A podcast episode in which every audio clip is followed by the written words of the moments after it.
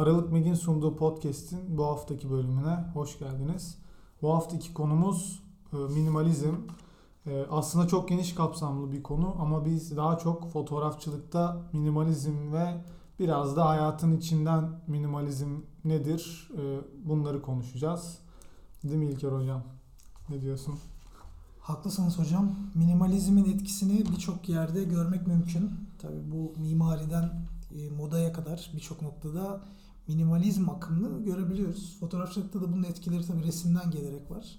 Konulara kısaca değinelim. E, birçok not aldığını görüyorum zaten. Kısaca sen giriş yap. Evet. e, Bakalım nasıl bir bölüm olacak.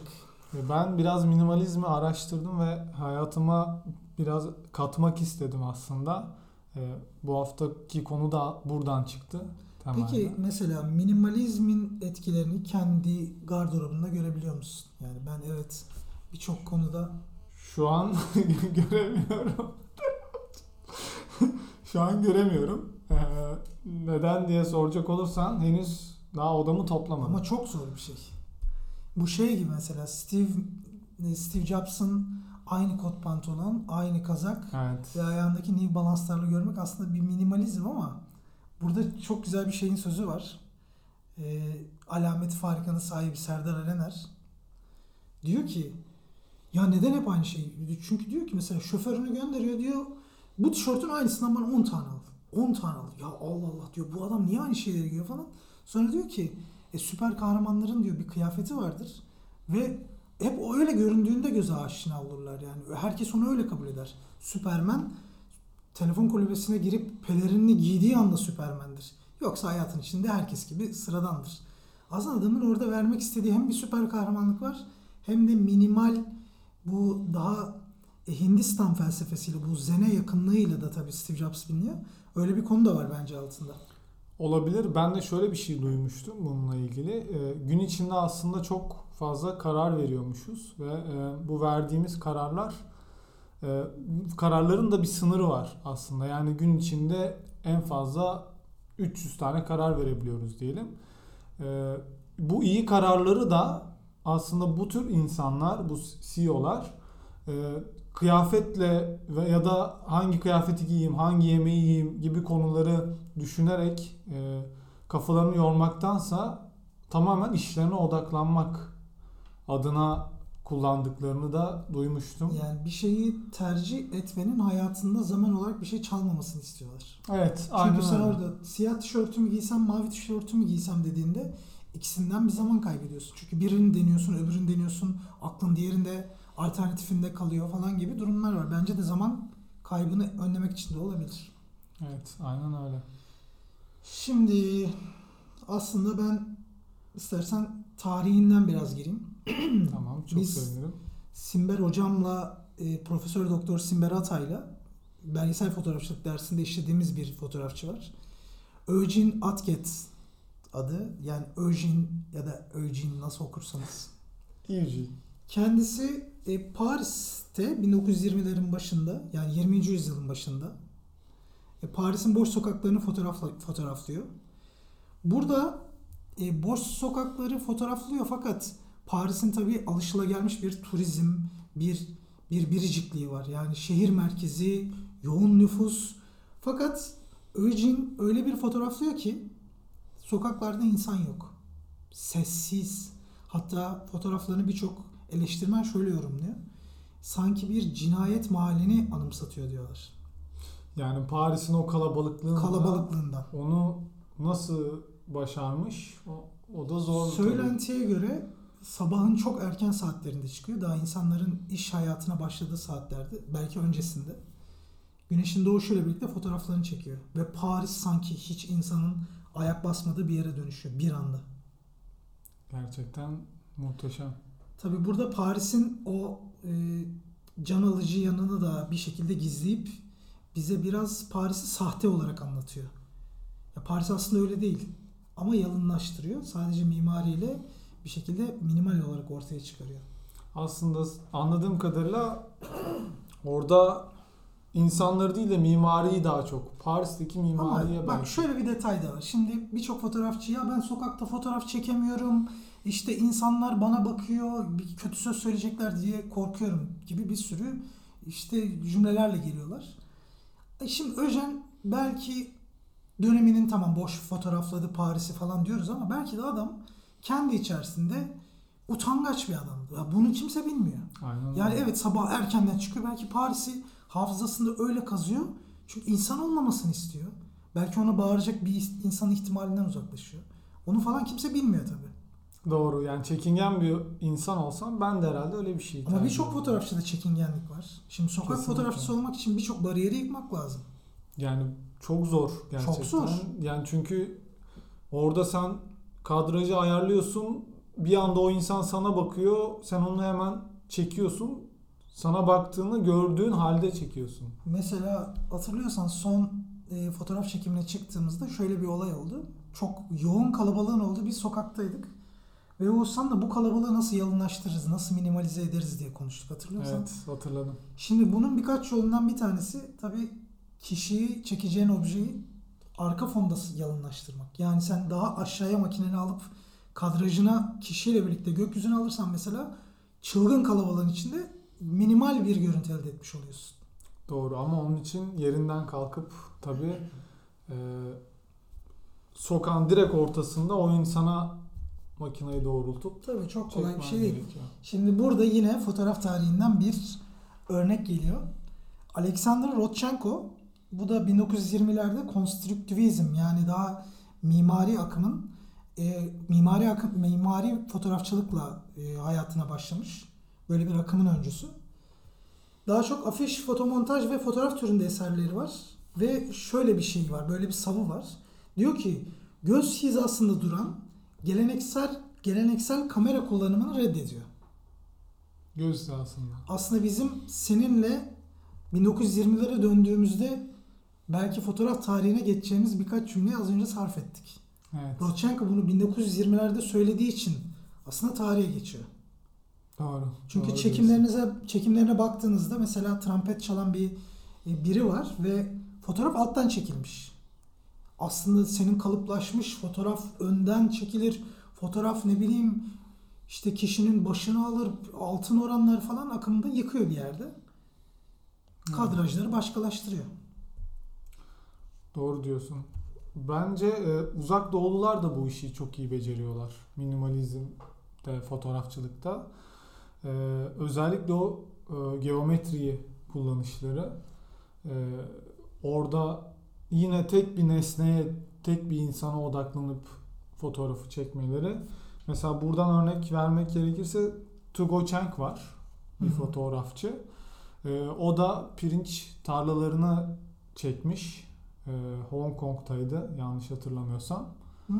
Ee, Yani çok ilginç çalışmaları var. Sanki resim çizmiş de onu çekmiş gibi.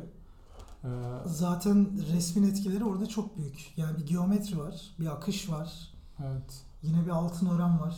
Şahane. Yani bunu da bence araştırılması gereken bir insan diye düşünüyorum. Bir heceler misin nasıl ya da harfleri tek tek söylersen çünkü dinleyenler tam ben de dahil anlayamadım ismini. Ee, hemen söylüyorum. Tugo Cheng. Bu Instagram Cheng. hesabı. Evet Instagram hesabı. Tugo Cheng Photography diye bakabilirsiniz. Ee, olmadı podcast'in e, açıklamasına da ekleriz zaten. Zaten biz şimdi şimdi geometriden yola çıkarak Türkiye'de ya da İstanbul'da sokak fotoğrafçılığı ile ilgili insanlar nerelere gidiyor diye bakıyoruz. Daha çok işte Galata, Eminönü. Yani o civarlardaki senin dediğin o mimarinin aslında bir şekilde minimal mimarinin fotoğraflanması ya da ışık gölge oyunlarını çok fazla kullanıyorlar. Özellikle o Galata Köprüsü'nün ortasında bir merdiven vardır. iniş çıkış böyle. Aslında çok güzel bir formdur ama ama herkes orada bir fotoğraf çeker. Yani orada Evet. fotoğraf çekmeyin dövüyorlar derler ya. Hakikaten öyle bir yer yani. Ama minimaldir. Genel geçer bir sevimliliği vardır. Orada yakalayacağınız bir şapkalı amca işte sizin vay aile içinde oğlum sen hakikaten fotoğrafçı olmaya başladın cümlesini kurdurur. Öyle bir yerdir. En son e, gittiğimde Galata Kulesi'nin orada bir anım var. Ya anı Sen de dediğim- mi çektin? Yok. ben çekmedim ama işin kolayına kaçmışlar abi. Fotoğrafçılar var 5 lira veriyorsun. Makineye basıyorsun. 5 lira veriyorsun. Direkt seni profilde beraber Galata Kulesi ile böyle fotoğrafını Allah. çekiyor. Hemen veriyor sana. Böyle de ilginç bir şey vardı orada. Bir resmen bir şey oluşturmuş yani. E, iş Aynen gücü öyle. oluşturmuş orada. Şeyi şimdi Galata deyince de aklıma Steve McCurry'e Kodak son kalan bir Kodakrom fotoğraf filmi veriyor. Vay. Pozitif bir dia. Dünya 36 hakkın var düşün. Dünyadaki birçok işte kanaat önderini çekiyor. Türkiye'de de Aragüler'i alıyor. Aragüler demek İstanbul demek. Ve Aragüler'i o Galata Köprüsü'nün başında arkada o e, caminin olduğu bir açı vardır. Oradan tek bir kare fotoğraf çekiyor ve Kodakromu tarihe geçerken son filminde de Aragüler yer alıyor. Vay. Ya bu da böyle şahane bir Galata Köprüsü, minimalizm, işte fotoğraf tarihiyle ilgili güzel bir anı. Hatta Kodakrom filmi var. Sana önermiştim. O da aslında bir nevi bu bu şeyi anlatıyor. Kodakrom bitişini anlatıyor. Şimdi Steve McCurry'e geleceğiz. Steve McCurry de tabii ben en son çalıştığım bir reklam ajansında Pirelli takvimleri yapıyorduk. İlk kez orada karşılaş. Pirelli takvimlerini diyorum. Pirelli takvimlerini yapmak nasıl, nasıl bir ajans bu ya? Yani bize hediye geliyordu. E, ilk o zaman karşıladık. Yani zannediyorum 2000 2000'lerin başı falandı. Steve McCurry ile o zaman karşılaşmıştım. Sonra Afgan kızı fotoğrafı vardır çok meşhur. Evet. Dünya tarihine geçmesini sağlayan tabii bir, o da bir magnum fotoğrafçısı. Bu Afgan kızı ile ilgili bir aklımda canlandırıp aslında onun üzerine konuşmak istiyorum.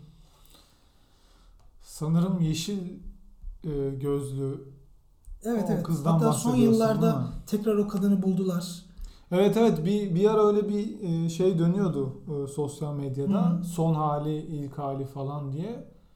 E, değişmiş miydi sanki? Gözler aynı fakat tabii deformasyon suratta var da yine tabii o işte dininin gerekliliği yine bir başörtüsü, Evet. yine hüzünlü bakışlar, yine bir şey Ya maddi o- yoksulluk. Sanırım insanları herkesi o fotoğrafta çeken o bakışlar herhalde. Bakışlar tabii. Yani başka bir şey olamaz diye düşünüyorum. Belki gözlerin renkli olmasının da verdiği bakışlarla beraber birbirini tamamlayan e, o büyü de olabilir. Tabii bir tedirginlik, bir korku. Steve McCurry o an deklanşöre basmış ve bence efsane bir kare yakalamış. Kesinlikle. Deklanşöre basmak. Şimdi bak o kadar güzel bağlandı ki konu. Evet. Kim geliyor aklımıza? Deklanşöre basarken verdiğimiz kararlar deyince Henry Cartier-Bresson geliyor. Tabii ki de. Ben bugün yine Instagram'da Henry Cartier-Bresson'un Karar Anı kitabını isteyen var mı diye sordum. Oradan bir sürü mail geldi. Özel, özellikle bugün onlara da bir dönüş yapacağım. Kitabın PDF versiyonunu göndereceğim. Süper abi. Bence Şimdi. Bresson'un da fotoğraflarına baktığımızda birçoğunda böyle sanki zamanın o, o kadar doğru bir anında deklanşöre basmış ki yani mesela suyun üzerinden sanki değecek ama milisaniyenin binde biri böyle yani inanılmaz bir an. Öyle bir minimalist durumlar var. Şimdi özellikle ben Fransa 1932'de çektiği bir fotoğrafa değinmek istiyorum. Bu da belki benim aşık olduğum bir fotoğraftır. Böyle fotoğrafçılığa başlama nedenim diyebileceğim bir fotoğraf. Bir akış vardır. Bir merdivenden iniş. O esnada oval bir sokaktan e, bir bisikletli geçer. Tesadüf değil mi aslında? Aslında Bakıma. evet bir yandan tesadüf ama fotoğrafçı bazen bu şansı kendi yaratır diye düşünüyorum. Evet, geçen yine konuşmuştuk. Fotoğrafçılıkta o şans, tesadüfün yani. Şansın çok büyük önemi var ama şans. Şimdi Bresson'a şunu sorduğunda şimdi bizim fotoğrafçılarımıza soruyorsun. Abi biz diyor soteye yatıyoruz. İşte bir saat iki saat gerekirse orada bekliyoruz. Aragüler'in de böyle cümleleri var. Eminim ki bekliyorlardır. Ama Evet. bazen de oraya durursun. "Cık, Buradan bir şey geçse dersin ve o şey geçer. Bana Evet. çok oluyor bilmiyorum ama Evet. orada beklediğin o kırmızı elbiseli kadın ne bileyim küçük şort giymiş bir çocuk oradan geçer. Ve sen onu kafanda kurmuşsundur. Fotoğrafına yansır. Bu fotoğrafçının şansıdır. Belki o an onu beklediğin için evren sana onu göndermiştir bilmiyorum. Şimdi bu fotoğrafta özellikle altın oran içeriğiyle bakıyorsun. Hı hı. Şimdi oklar ve merdiven sola doğru akışı var. Yolun da sola doğru kıvrım var. Bir bisikletli hafif fluyor. Neden fluyor? Çünkü enstantane muhtemelen öğleden sonra ve 1 bölü 60, 1 bölü 30 civarı. Geri kalan yerler net fakat bisikletli daha hızlı geçtiği için orada bir hafif fluyoluk var. Fakat Evet. fluyoluk da orada bir zaman kırılması yaşatıyor sana. Orada bir şey hareket eden bir şey ve o zamanda ilerliyor gibi. Evet sanki. ve doğru zamanda doğru karar veriyor. Bence şahane bir noktada enstantane şey deklanşöre basıyor. Bir de şuna dikkat ettim şimdi. Bisikletli saat yönünde ilerliyor ve orada zaman zaman akıyor fakat bir yerde Bresson onu meydan okuyor ve orada donduruyor. Sen diyor artık burada kal ve benim hafızalarımda bu şekilde yer al diyor. Ya da fotoğraf tarihine bu şekilde geç diyor. Bence inanılmaz bir kare. Yani bence de öyle. Ee, aslında minimalist fotoğraflar basit gözükse de e, hani belki gören insanlar şöyle bir şey diyebilir. Ya bunu ben de çekerim ne var bunda? Ama o öyle değil aslında. Çünkü bir kusursuzluk da var minimalizmin içinde. Ee, o kusursuzlukla beraber ortaya mükemmel bir şey çıkıyor. Ama Bence. tabii burada minimalizmde resmin de etkisi çok büyük. Yani resimdeki Kesinlikle. o minimalizm, şimdi Bresson çocukluk yıllarında resim eğitimiyle başlıyor.